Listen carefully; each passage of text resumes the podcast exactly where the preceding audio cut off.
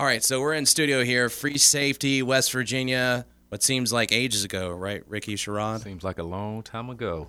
98 to 2001, Free Safety, West Virginia. Don Nehlen then turned Rich Rod error. Uh, we're going to talk about that here briefly. Let's not jump on Uh-oh. that too quickly. But uh, we're Capital guys. So we're Cougars. Uh, have you followed along with uh, with Capital lately? Have you been following the football program at all with Carpenter and all that? Yeah, I'm actually on the board in the Police Athletic Football League with Coach Carp. So Okay. we uh, we that. talk from time to time. Coach Carp's a guy that uh, I enjoy talking to, but he's a guy that doesn't necessarily care much for the media. To be honest, he just wants to win football games, and he's there for the young kids, which I can appreciate. Yeah, a lot of coaches don't like talking to the media. They Yeah. just want to get out there, you know, get to it, Yep. and and just let uh, their athletes play, speak for itself. Yeah, and you know, Coach Carp uh, has done a tremendous job there at Capital. Um, you know, you got uh, Kerry Martin Jr. who's now going up to West Virginia. Uh huh. Uh, a kid that I enjoyed talking to. I had him on the show, and Yeah, he's a good uh, guy. very uh, bright kid, very talented kid. Uh, I hope that he uh, he sticks sticks around up there in West Virginia, Morgantown, and uh, maybe gets his opportunity to make some things happen too. Yeah, it, it's sounding. I asked the coaches about him. You know, I was up there a couple weeks ago. Excuse me, about a, a month and a half ago. I got to talk to some of the coaches on the staff, and I asked about Kerry and how he was doing, and I heard good things. They told me in. They told me, oh, you got to check in on our Capital Cougars. They told me he's up to 200, 200 pounds right now, looking pretty good, looking physical, which is exactly how you want your defensive backs to look. Yeah, he's uh, that was the thing I was going to say is he's kind of uh, he was a wiry kid. Of course, a lot of guys are wiry anyway in high school until you get in that training regimen up there in college. Are you a guy that uh, needed that as well? I mean, you're in shape. Uh, you're you do sports training and, and things. Were you a guy that needed to bulk up out of out of high school there at Capital?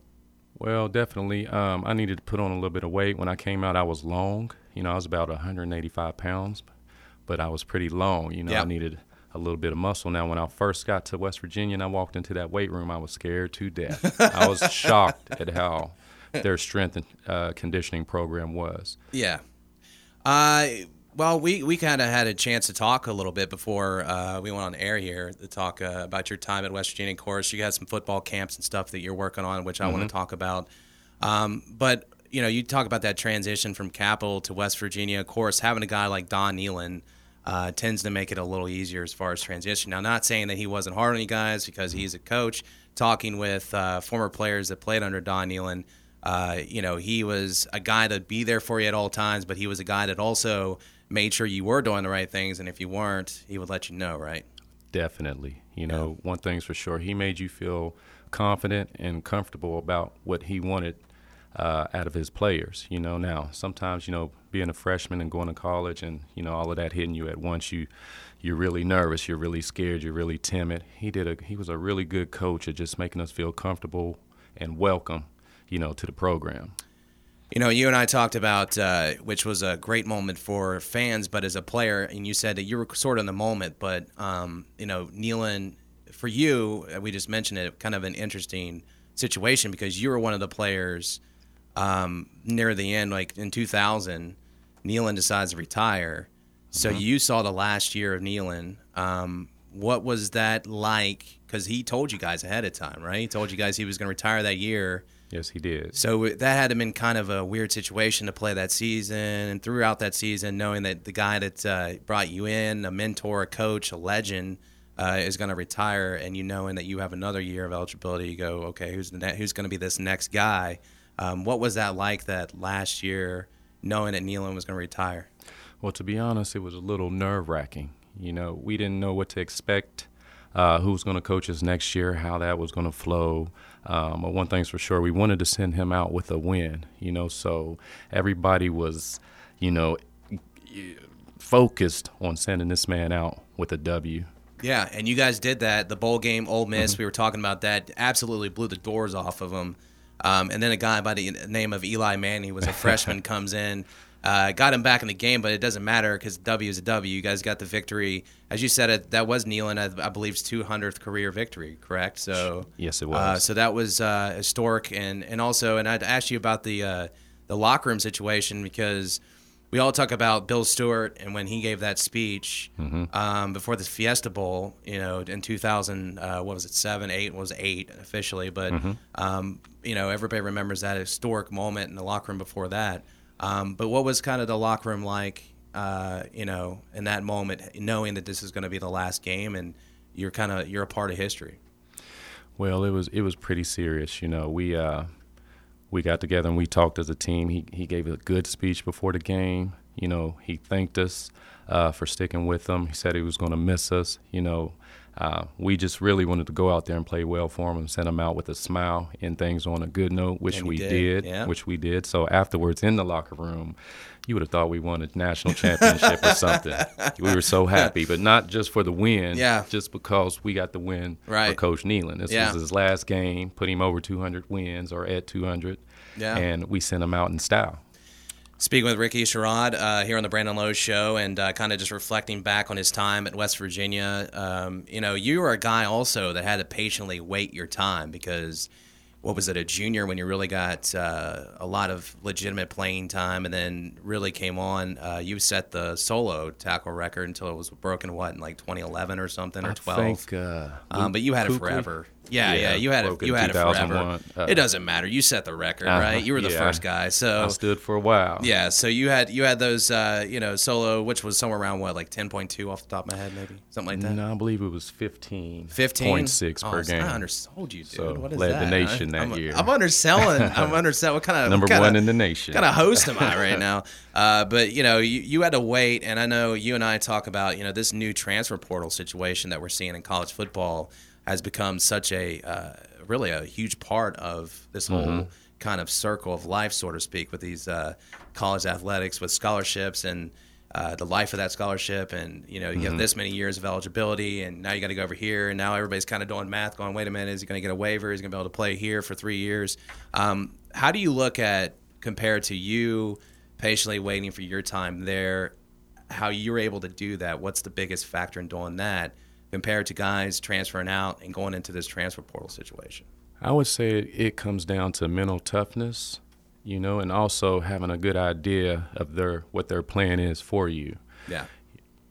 when I was uh, going through, you know, my, my time at West Virginia trying to, you know, work my way up, you know, you do have to be patient. You know, you have to take a lot of visual reps. You know, you have to pay attention.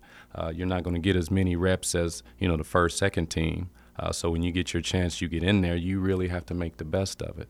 You know, so it comes down to you being mentally tough. You know, now when things don't go your way, you know, sometimes guys don't like that. Sometimes guys transfer, you know. But now with this transfer portal, you know, I don't really know too much about it. Um, it seems like it gives guys a, another opportunity to decide where Yeah. they want to, you know, place their future, the hands of their future at. Um, and if, if that's so, if they feel like transferring is best for them in the long run, then, you know, more power to them. But for me, um, especially uh, with a new coach coming in and going through a transitional period, it was really tough. And um, one thing I always told myself I was going to do was never quit anything. Yeah. All right. And that comes down to, you know, having the mindset to just be able to compete with the best in the world. And sometimes that means starting at number three or four and working your way up. You know, because once you get to number one, you're going to appreciate it a whole lot more. Yeah, yeah, that's uh, that's that's great, and um, you know, I, I think I told you that I do like having that power for players because of coaches and the situation. Now, your situation was different. Nehlen retired. He's been he did he was the godfather of football there, Yes, he was. uh, and uh, still is, and you know, so that situation was different. But now with this new age of college football, where um, Holgorsen uh, goes from you know a certain situation which he didn't really necessarily get his stepping stone because I think a lot of people can agree with Holgorsen going using this job, possibly West Virginia to get another Power Five job somewhere else. Didn't work out this year. Saw the writing on the wall. I'm gonna take a step back, a Group of Five team, build mm-hmm. back up my reputation there, and then maybe I'll have a ticket back into the Power Five program if I do some things with Houston coaches do that all the time. Mm-hmm. Players not paid, but they do have the scholarship. Mm-hmm. That's also another argument. Is well, I'm not. You know, we're not getting paid. We want to be paid, but hey, we're the NCAA is going to go. Okay, well, we'll give you a transfer portal, and you can go anywhere you want. and and nobody's going to stop you. So a lot of people think as well that it's just the NCAA's way of saying, well, we can quiet this whole you know, pay for play type thing. If we just keep giving the players just a little bit more freedom here and there, the conferences are allowing them to move along mm-hmm. anywhere they want to play. I, I, kind of feel like I like the players thing, but I also think there's some hidden stuff behind it. Uh, there always is. Yeah, there always is. That's what I'm thinking. I think it's a. I think it's a. A ploy. I don't trust the NCAA one bit. I think it's just a ploy to make these guys feel like they actually do. I may be conspiracy theory here. Go ahead and hit the X Files music, you know, but mm-hmm I really think a lot of it is just, hey, we'll give the players a little bit of freedom mm-hmm. and make them feel like they have some power. But at the end of the day, it's the ones with uh, with the money that's uh, really pulling the, the strings. Oh so, yeah. So that's that's how I look at the transfer portal situation, and and I, and I think any anytime you give the players more power, um, you're going to have some guys, like you said, that didn't stick around mm-hmm. and take advantage of that as well because they're like, okay, well, if I'm not getting play time in Arizona State, I'm just going to transfer to UCLA and see what they got going on over there. Yeah, but just because you transfer, Doesn't it's no guarantee yep. that you're going to play. Yep. All right. Uh, speaking with Ricky Sherrod, you got some football camps coming up too. Speaking of that, um, you know, and we're going to get to that here shortly. But I want right. to. I also want to. I'm, I got to drill you about this Rich Rod situation because. you know, we had some interesting conversation. You don't have to you don't have to bring it all on the on the air, of course. Uh-huh. Um, but back to the transitional period that we talk about, where players tend to shy away from the moment. You said it got a little bit crazy when you know Nehlen. It was a different environment, I should say, um, from Nehlen to Rich Rodstaff that comes in because.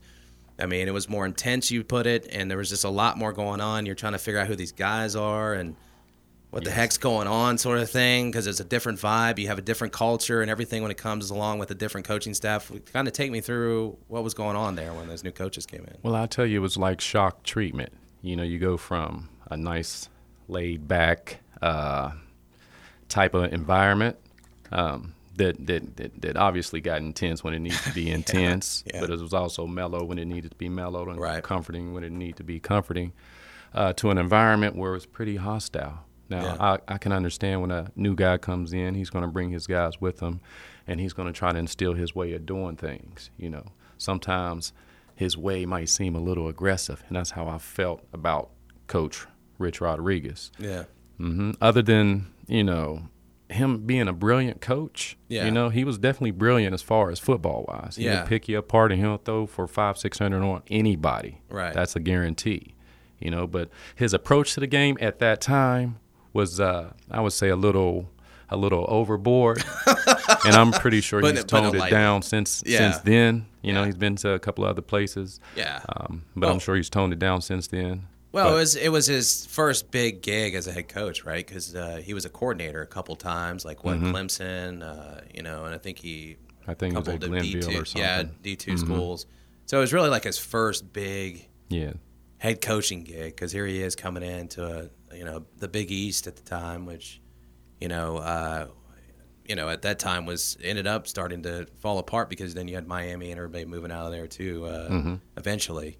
Um, but coming in, you had still a, a Big East that was sort of intact there, and that's another thing, competition wise, when you come into a job like that you from a Big East perspective. Now you got West Virginia in the Big Twelve. Yeah, you're. you're is that is that? I mean, could you imagine? It was definitely a big jump in competition. yeah. Know, um, you're playing against first round draft picks every week. Yeah. There are, there are no days off in the Big Twelve. Now the Big East was tough too. Don't get me wrong. We had our Miami's, our Virginia Techs. Got to play against Michael Vick every yeah. year. He was there, and Miami their first, second, third team, fourth team. I mean, they had players loaded. all uh, loaded, yeah, loaded every year. Yeah, and then Boston College, a lot of people forget, was Willie Tom Green. Coughlin was the coach at Boston College mm-hmm. years back. That really built up uh, in the '90s. That was before. I can't remember how long Coughlin even was the coach there. I know it was near. It was through the mm-hmm. '90s all the way until uh, I think he left before you even mm-hmm. got to West Virginia. Yeah, yeah, I think yeah, he was he gone. Um, but we had some tough games against Boston College. They were tough. They were real tough. Played against some good running backs. Uh, yeah. Willie Green comes to mind. Yeah, he, they were uh, tough. Actually went to the Browns for a little bit. Yep. Left me with something to remember him forever. You know, yeah. coming up uh, to make a tackle on him. Yeah, you know. I mean those guys uh, in, in the Big East. You know, that's what I always I bring it back to a lot of people. What would you say to people who are skeptics of leaving the Big East to the Big Twelve? Because I think, you know, the Big East wasn't the Big East for years, like you played in when mm-hmm. those teams left. Um, West Virginia enjoyed being at the top, whenever, but years and years to come. And of course, I'm not saying they didn't have good teams, but they did. Pat Mm-hmm. White and those guys and things. David Rich Rod, phenomenal. At any level, any conference, that was phenomenal. But bringing in the likes of a South Florida and Cincinnati, Mm-hmm. and those teams compared to the Virginia Techs and the There's no comparison. I mean, there's just no comparison. I mean, I'm, gonna, I'm just going to be honest with that. Now you go back to the, now you're really going back to that almost that that kind of era that you were playing in, going to the Big 12 because every week now, even against Kansas, Kansas is the bottom feeder, but Kansas is a tough school. I mean, I, I know I'm going to sound crazy here, but Kansas has they have guys. They're just not. Yeah, just because they're not winning right now, but just Yeah. because a team has a bad record, that does not take away from their program. They all are on that level for a reason. Yeah. The Big 12 is the Big 12. Yeah. So speaking with Ricky Sherrod, uh, I want to talk. Is there anything we didn't talk about? I was going. Oh, I want to get your take uh, before we talk about these camps too. Uh, as far as Neal Brown and Dana Holgorsen, because I know I asked you if you met Holgorsen. I wasn't a huge fan of Holgorsen. I said it when he was here. I didn't. Yes. I didn't care. I, I say how I feel about whatever you know is coming. It's just an opinion, but um, you know, I thought Holgorsen. I, w- I will say this about Holgorsen. The only thing I won't bash Holgorsen on is the fact that he did uh, take West Virginia in the transitional period from the Big East to the Big 12. He did understand how the Big 12 works. Uh, he did recruit at a Big 12 level. Um, and but the bad part about Holgorsen was his attitude, uh, wanting to be sort of the rock star type coach because this is this is sort of the Rich Rod thing of being his first big head was his first head coaching gig, and he was really just kind of taking this in, and it seemed like he was just cashing checks and. Oh, definitely. Uh, you know, wasn't necessarily doing the developmental. I mean, you look at the backup quarterback situation when Grier went down, and it was like, what's the backup quarterback doing? there was none. It's, so it's like, what what's going on, man? You know, so I think I've always felt, you know, of course he's a good coach too. He's he's a smart coach offensively. Um, you see similarities there in Rich Rod and, and Dana Holgorsen in a way.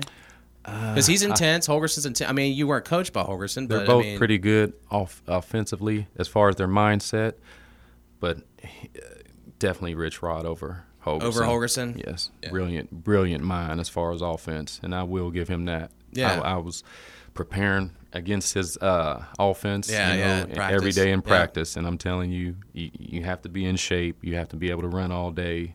You know, it's it's just a different animal. So when it first came to West Virginia, well, it was shock treatment.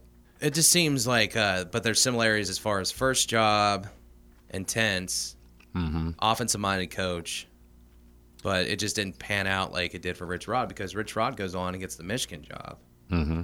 Holgorsen didn't get that next level job because the next level from West Virginia would be what uh, Tex- USC. Uh, Uh-huh. the job was open. You know, uh, the next level that Mm-hmm. people would say is a blue blood program from West Virginia, and he wasn't able to accomplish.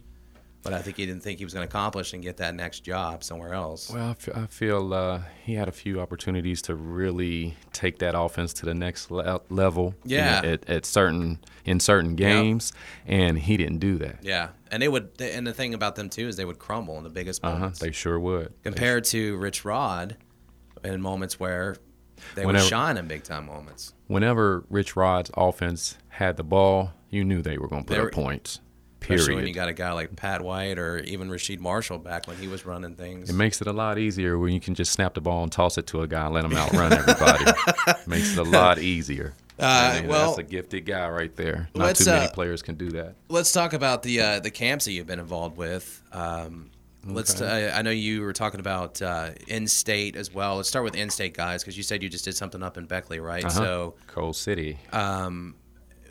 Take me through what you see uh, in with the in-state training, in-state guys, because there is talent here, and, and that takes me back. Uh, Neal Brown's talking about that. He wants to get concentrate on some of these because there's some very good talent here. Um, There's a lot a lot more here. talent than people give it credit for, and he said that to me when I had him on a few weeks back. He said. I just want to dive into it just because our population's not as high as most people's. Mm-hmm. Doesn't mean that we don't have talent here. It's just overlooked a lot of times. If you actually pay attention to what's going on, I pay attention very heavily on high school football Mm-hmm. with this job that I do here. Um, there's, I got to see Ryan Switzer, you know, play when he was c- coming Mm-hmm. Good up. player. So, um, and I knew immediately seeing that kid, uh, he was going to be something special. I mean, there's just the speed and the way Yes, he he- played. It was just a sure whole nother was level. Um, it just, but there's talent like that. Maybe not Switzer everywhere, but there's talent enough to play at the D1 level.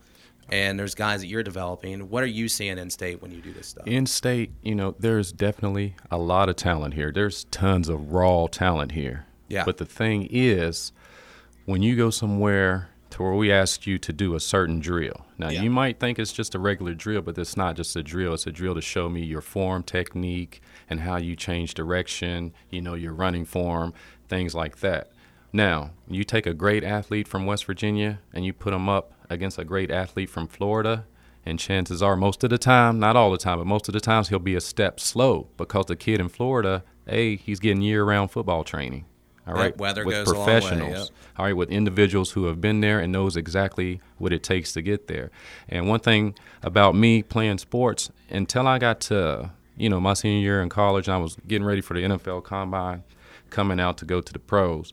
Um, I got, I, I went and I took some uh, training from Mike Borowitz, you know, who uh, is an excellent trainer. You know, has his own show. Yep. Um, and uh, one thing I went into thinking that I was I already knew everything I needed to succeed and I'll never forget he asked me to run a 40. You know, I ran 140 for this guy and when I got back, he told me the only reason I run fast times is because I'm naturally fast. He said, ah. but my running form and technique is disgusting.